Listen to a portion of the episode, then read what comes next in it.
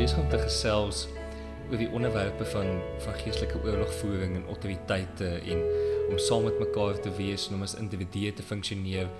En dit laat my wonder maar hoe hoekom het ons nodig om in sekere goed as as groepe saam te bid? En en waar kan ons alleen as 'n individu in ons binnekamer bid? En en hoekom voel dit baie keer jy weet wanneer ons as 'n individu bid gebeur daar net niks? En wanneer ons as 'n groep saam bid dan dan gebeur daar klomp goed. En en baie keer dalk andersom.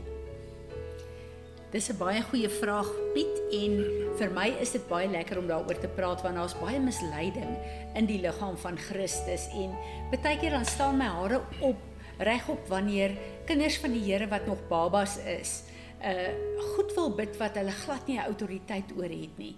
Nou hoe weet ons uh wanneer het ons 'n autoriteit oor wat? Um jy en ek het autoriteit oor ons eie lewens en ons kan bid net wat uh, wat enigiets bid oor onsself want ons het 'n autoriteit saam met Jesus Christus oor ons eie lewens. 'n uh, Interessante plek in die woord wat ek na toe wil gaan vandag is in Deuteronomium 32 vers 30 maar ook in Psalm 68 vers 35 en ook in Josua 23 vers 10 waar daar staan een verslaane 1000 en twee 10000 Nou wanneer ons kyk na 'n groep mense wat bymekaar is, dan is dit letterlik 'n weermag, want as jy nou die somme maak, as hier 20 mense in die vertrek is, dan is ons redelik 'n weermag hier. Nou as jy ehm uh, as 'n enkeling uh wil gaan beklei teen 'n weermag, is dit mos nou baie onnosel. Jy het 'n weermag nodig om 'n weermag uit te haal. En net so moet ons verstaan dat ons as enkelinge nie sekere goederes kan aanvat wat ons nie die protokol of die autoriteit voor het nie. Nou 'n baie goeie voorbeeld op hierdie stadium wat almal na kyk is ehm um, 'n uh, 'n uh, die verkiesing in Amerika.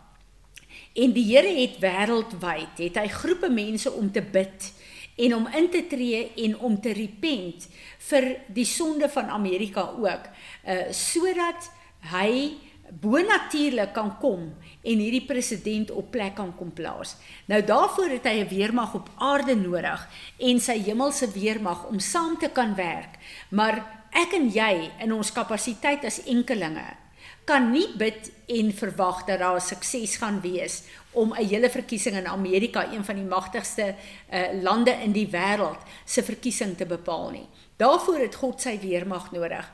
Nou, ehm um, wanneer ek en jy byvoorbeeld uh, hier in Botawil wil bid oor ehm um, uh, iets wat aan die orde van die dag hier is, is hierdie swingerklubs wat hier is. Ek en jy is enkelinge kan nie gaan staan en bid oor 'n principality wat oor 'n dorp is nie. Uh as ons kyk na die bediening van Jesus Christus, dan praat hy van uh apostels, profete, evangeliste, uh uh herders en leraars. Dis letterlik 'n rangorde waar die apostolic en die profetic, uh die apostolic is die hoof daarvan. Wanneer ons kyk na Efesiërs 6 Dan kom Paulus en hy sê vir die kerk, daar's principalities en powers en demoniese magte. Dis letterlik die hiërargie van die vyand.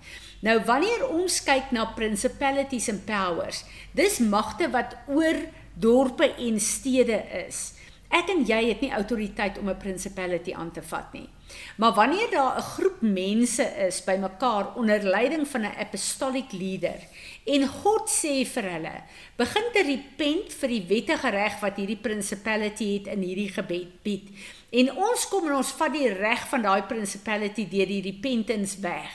Dan gaan die Here ons toelaat om daai principality se plek uh uh uh terug te neem. Daai territory wat hy gehad het oor die dorp om dit te vat. Maar daarvoor het jy 'n groep mense onder leiding van 'n apostel nodig om dit te doen. Enkelinge kan dit nie doen nie. En dan is dit vir my vreeslik waar mense dink dat hulle kan hulle eie kapasiteit principalities and powers aanvat. Ons kan nie dit doen nie. En dis wanneer mense seer kry wanneer jy buite jou rangorde gaan. Ehm uh, dis baie interessant uh, as ons kyk na na uh, die Here wat dan nou ook uh uh, uh ingegryp het op 'n 'n uh, keer in 'n hele oorlog waar hy hulp gestuur het uit die hemelse weermag. En vir my is dit altyd 'n geweldige ding om te dink hoe groot is God se engele as uh, in 1 Konings ehm um, nee 2 Konings 19 vers 35 is die storie van waar God een engel gestuur het wat 185000 Assiriërs ehm um, uh verslaan het. Dan besef 'n mens net dat uh ons het 'n hemelse weermag wat ons saam mee moet, uh, moet werk, maar baie keer sal God ingryp en dan sal hy vir ons die geveg gee. Ehm um, sonder dat ons eintlik daarvoor geveg het.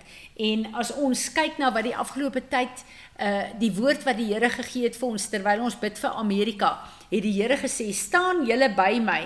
bid in tale but the battle belongs to the Lord.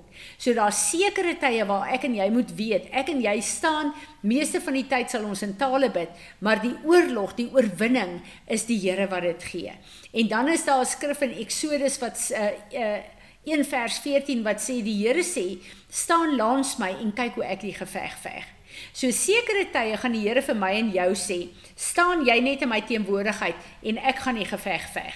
Maar sekere tye kom die Here en sê, hier is 'n wettige reg wat principalities die mense uh uh op grondvlak in sonde hou en ek wil hê julle moet kom as die kerk bymekaar uh onder leiding van 'n apostolic leader wat die autoriteit het Julle moet dan kom en julle moet vergifnis vra vir die sonde van die mense sodat daai eh, grondgebied van die principality weggevat kan word. Daarvoor het ons 'n corporate anointing nodig. Ons kan dit nie as enkelinge doen nie. So ek en jy moet leer deur die woord van die Here Uh wat is ons plek as 'n enkeling? Waar kan ek en jy autoriteit neem uh oor ons eie lewe, oor ons gesinne, uh saam met die Here? en saam met die engele wat hy vir ons gee om om uh, vir ons te help. En waar is die lyn wat ons nie mag oorgaan nie, waar daar oor dorpe, oor lande, oor waar daar 'n groep mense nodig is om uh, onder leiding van die Heilige Gees te doen wat gedoen moet word om die grondgebied uh, terug te vat uh, van hierdie principalities and powers. As ons dan nou kyk na die hele hiërargie van van Efesiërs 6 principalities and powers en rulers of dark places dan kyk ons na uh, die magte wat my en jou meeste van die tyd aanval is demoniese magte en sterk manne Hulle funksioneer in ons. Dis die rangorde in die vyand se weermag. Dis daai uh, demone wat my en jou tuister, wat ons aanval, wat opdragte het om ons lewe uh uh uh ongemaklik te maak. Ek en jy het as enkelinge autoriteit oor daai demone. Want hulle kom om my aan te val, ek het die autoriteit uh oor my eie lewe in Jesus Christus. So dan kan ek kom en sê ek bind jou jou mag van vrees. Ek bind jou jou mag van las in die naam van Jesus Christus. En dan kan ons hulle werk en hulle hou vas op ons kragteloos maak. Maar baie keer weer eens Wanneer hierdie magte ons aanval, sê nou byvoorbeeld die mag van vrees en jy uh, word oorweldig deur vrees. Heel eers moet jy kom en jy moet vir die Here sê Here, ek kom staan in. Ek vra vergifnis namens myself en my generasielyne en ek wil alle vrees kom bely. So jy kom en die sonde wat hom 'n reg gegee het om in jou lewe autoriteit te neem. Jy vra vergifnis. Jy bring die bloed van Jesus na vore. Jy breek die vesting wat in jou kop opgerig is om daai dinge blyplek te gee. Jy breek dit af deur repentance. En dan vra jy vir die Here om daai plek in jou gedagtes te vul en dan bind jy sy werke en jy beveel hom om te gaan na die voetbank van Jesus Christus waarna hy nooit mag terugkom nie. En een van die strategieë wat ons moet verstaan is dat wanneer ek en jy 'n sterk man bind en 'n demoniese mag bind in ons lewe en ons beveel hom om te gaan, dan moet ek en jy onmiddellik sê Here kom vul u daai vakuum wat daar is. Want die woord sê vir ons baie duidelik, as jy 'n sterk man bind en jy beveel hom om te gaan en daar is nie in daai huis die Here nie. Die sterk man word verplaas met die Heilige Gees in God se teenwoordig nie. Dan gaan hy na tyd terugkom met sewe erger. So ek en jy moet altyd sorg wat ons uitjaag, daar moet iets gevul word mee. As ek en jy iets ontwortel en vernietig in ons lewe, moet ons dadelik die Here terugplan daarin. So ons moet nooit wanneer ons oorlogvoering uh, doen, moet ons iets van ontslaa raak en nie vul met die volheid van God nie. Maak dit vir jou sin, Piet. Ja, beteken dit dan dat ons nooit kan bid vir ons dorp, vir die land, vir die provinsie waar ons is nie? Nee, glad nie. Ek is bly jy vra dit. Ek en jy het 'n opdrag om te bid vir ons land, vir ons provinsie, vir ons regering, want dis wat die Here vir ons baie duidelik sê in Romeine 12. Ons het 'n opdrag om daagliks vir hulle te bid. Maar ek en jy bid vir hulle, soos wat ons byvoorbeeld bid, uh sê nou maar vir die munisipaliteit in Botawil, dan sê ons Here, ek bid vir die munisipale bestuurder, vir die burgemeester, vir elke uh, plek van autoriteit wat hierdie mense inneem. Ek bid Here dat hierdie mense uh, gehoorsaam aan U sal wees. Ek bid Here dat U alle uh, korrupsie, alle demoniese planne, alle strategieë wat deur die vyand uh uh uh hulle mee uh, deur hulle geïmplementeer word, dat U daai goed sal kanselleer. So jy kom, jy bid vir hulle karakter, jy bid vir hulle werk, jy dra hulle op aan die Here, jy bid dat die Here daai die munisipaliteit sal infiltreer, jy maar Jy gaan nie na 'n plek toe waar jy skielik begin om die principalities and powers oor die dorp te bind nie. Jy het nie die reg daarvoor nie. Jy kan bid vir die mense en jy kan bid dat God hulle sal verander en dat hulle 'n begeerte sal hê om God te dien. Een van die uh uh skrifte wat ek altyd bid is die skrif in in Jesaja 22 Here ek bid dat u elke shepna elke onregverdige elke skelm 'n uh, plek in in autoriteit in die munisipaliteit dat u hulle sal verwyder van hulle posisies en dan weer eens wat ek gesê het ons kan nie net verwyder nie ons moet terugplaas want nou is daai uh korrupte persone verwyder is, dan kan net nog 'n korrupte persoon inkom. Dan bid jy en jy sê Here, ek kom en ek bid dat U Eliakims, dit wil sê manne en vroue wat in geregtigheid van God lewe, dat U hulle sal oprig en in die plek van Shepna sal sit. So ek wil vra Vader dat die regering van ons munisipaliteit 'n goddelike regering sal wees en dat hulle hulle sal begin onderwerp aan U en aan U planne vir hierdie dorp en hierdie distrik in die naam van Jesus.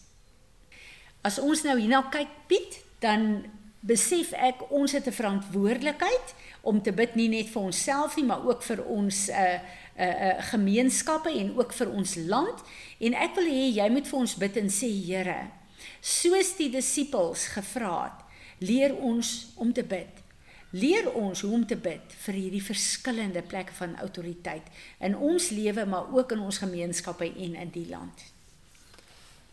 Ja, dankie dat u die beginsels van die woord en vir ons begin oopbreek en en dan ons begin vasmaak, Here. Here, ek hoef u vra dat daar waar ons elkeen sit en en waar ons dalk nie goed mooi verstaan nie, Here, en daar waar ons dalk die woord lees en ons dalk so 'n bietjie van 'n ander prentjie het en waar ons gedink het maar dit dit beteken iets anders. Here, ek hoef u vra dat u hierdie hierdie goed vir ons kom oopbreek.